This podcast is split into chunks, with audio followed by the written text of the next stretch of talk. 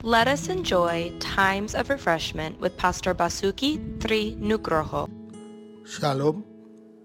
Lukas 9 ayat 23. Katanya kepada mereka semua, setiap orang yang mau mengikut aku, ia harus menyangkal dirinya, memikul salibnya setiap hari, dan mengikut aku.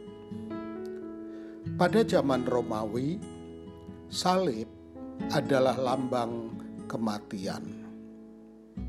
Memikul salib setiap hari artinya mematikan keinginan diri sendiri agar kehendak Tuhan yang jadi.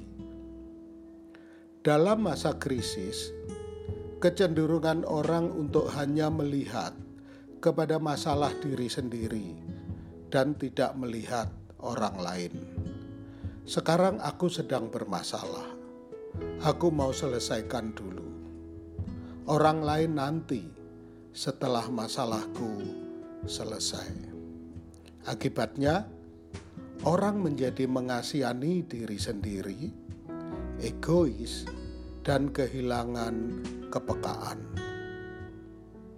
Justru inilah kesempatan bagi kita untuk melihat pintu, untuk menyatakan kasih Allah yang terbuka bagi kita. Kita menabur kebajikan, membagikan harapan, dan memberitakan keselamatan. Dan Yesus berjanji, Dia akan menyertai kita sampai akhir zaman. Tuhan memberkati. Untuk info pelayanan lebih lanjut, hubungi GBI Grace Community Center Makassar di nomor 081 343 625 334. Tuhan memberkati.